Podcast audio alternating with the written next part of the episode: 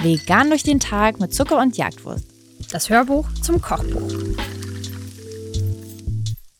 Man könnte denken, wir kommen jetzt zu einem sehr klassischen Rezept, ähm, einer veganen Bolognese. Dabei ist es absolut unklassisch, wie wir diese Bolognese kochen. Ähm, denn das hier ist so ein bisschen die deutsche Bolognese, mit der wir, glaube ich, auch alle aufgewachsen sind. Äh, jedes Kind liebt ja Bolognese. Aber eigentlich ist eine Bolognese natürlich was ganz anderes und überhaupt nicht das, was wir kennen. Die Heimat der Bolognese, wo sie herkommt, ist ja die Stadt Bologna, wo ich schon war. Sehr schöne Stadt, sehr hübsche Finde Stadt. ich auch. Mhm. Richtig, richtig goldige Hast du Stadt. da Bolognese gegessen? Ich, ich weiß es gar nicht so genau. Ich bin ja nur in die veganen Restaurants gegangen. Also die klassische Bolognese mit ähm, Fleisch habe ich auf jeden Fall da nicht gegessen. Damals war ich schon vegan. Ähm, ich weiß gerade nicht, ob ich eine vegane Alternative gegessen habe. Du? Ich habe da auch keine Bolognese gegessen. Ja, ist ein bisschen traurig, ne? Naja, egal. Ihr könnt es ja versuchen, zu Hause nachzumachen, aber dann nehmt nicht dieses Rezept, weil das hat mit dem Originalrezept natürlich gar nichts am Hut. Ähm, in Italien wird das ähm, Gericht, was wir als Bolognese kennen, ja als Ragout à la Bolognese. Ähm, so wird es dort ja genannt. Ähm, und äh, normalerweise wird auch ähm, eine, dieses Ragout eben überhaupt nicht mit Spaghetti gegessen, sondern eher mit einer dicken Nudelsorte. Das heißt mit einer, zum Beispiel einer Tagliatelle.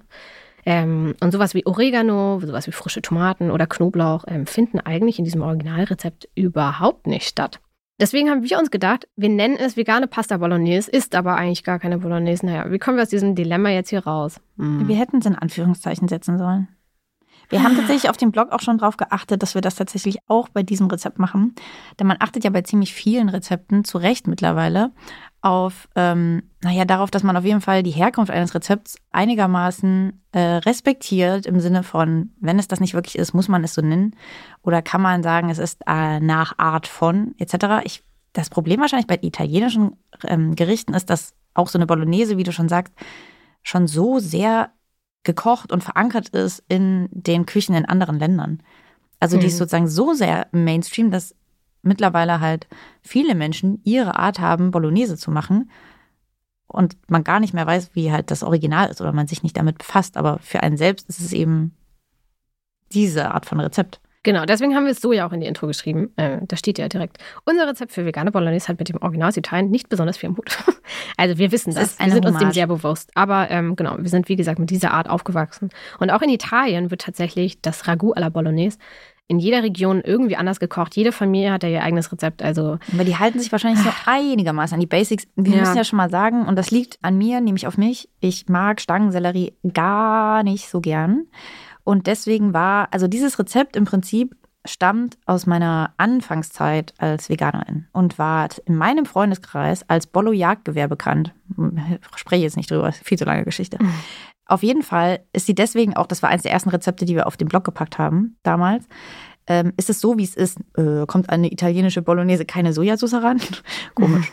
ähm, ja, also wie gesagt, die ist, äh, es ist alles ein bisschen, äh, ein bisschen anders. Ihr findet hier deswegen vielleicht aber auch Sojagranulat als veganen Hackersatz. Denn damals gab es diese ganzen Hackalternativen, die es heute gibt, gar nicht. Ihr könntet die aber natürlich auch verwenden. Das Sojagranulat finde ich in der Bollo immer noch ziemlich cool, aber es dauert natürlich auch ein bisschen, weil ihr das erst einweichen müsst und dann auspressen müsst, damit es äh, die Flüssigkeit wieder verliert. Das heißt, viele Menschen, glaube ich, die heutzutage vegan werden, kennen dieses Sojagranulat eigentlich gar nicht mehr. Man findet es aber immer noch auch im Supermarkt oft. Aber es ist halt, es ist ein trockenes Produkt. Es, steht, es ist halt nicht in diesem großen Kühlfach, das es zum Glück mittlerweile gibt, in dem viele andere Alternativen sind. Deswegen glaube ich, wird es oft übersehen und die Leute ja, Ja. probieren das nicht, eben weil es auch ein bisschen aufwendiger ist, als dass man jetzt einfach ein veganes Hackprodukt in die Pfanne wirft. Absolut richtig. Für mich ist es aber immer noch meine Nummer eins, wenn es um Bollo geht.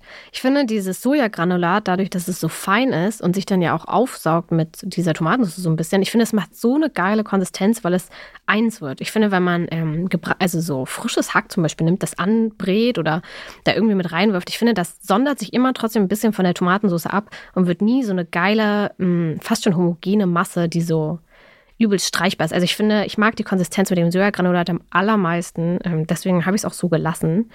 Ähm, wir haben ja überlegt, ob wir es überarbeiten oder haben wir dann tatsächlich nicht gemacht.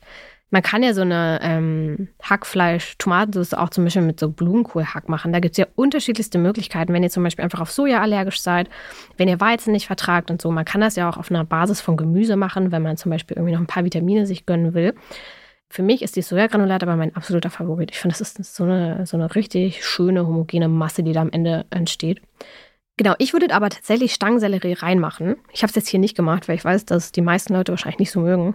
Eigentlich ähm, ist es aber als aber Teil von Sofrito ja. auch auf jeden Fall eigentlich das Basic der Bolognese. Ja, ich liebe es auch richtig, richtig doll. Das könnt ihr machen, dann schneidet ihr das einfach auch, ehrlich gesagt, in der Bordeaux schon dran gewöhnt, weil man es so fein würfelt. Mhm. Das Problem ist dann ja aber, so ein Stangensellerie bekommst du ja nicht nur als eine Stange. Mhm. Das heißt, du hast dann halt dieses ganze Ding.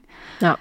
Ich habe es dann oft äh, einfach in einen Safter geworfen und mhm. mit Dingen vermischt. Also so könnt ihr es schon hinkriegen. Aber ja, Stangensellerie ist schon, äh, das muss man Ja, mögen. speziell. Das stimmt auf jeden Fall.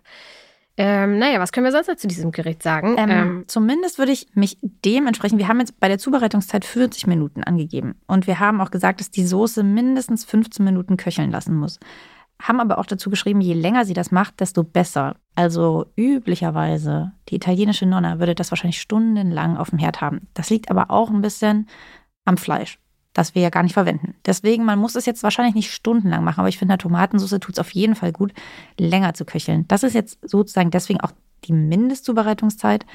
Ähm, je nachdem, wie viel Zeit ihr habt, würde ich euch auf jeden Fall empfehlen, das vorzukochen und lieber wirklich auch mal länger köcheln zu lassen. Ihr könnt die Soße nachher immer noch auch mit ein bisschen vom Kochwasser der Nudeln auch wieder sämiger machen, weil dort ja die Stärke, die ausgekochte Stärke der Pasta drin ist. Das heißt, dann wird die Soße auch wieder sämig. Aber die nur so fünf Minuten köcheln zu lassen, finde ich, ist auf jeden Fall geschmacklich ein deutlicher Unterschied zu einer schon allein eine halbe Stunde geköchelten Soße.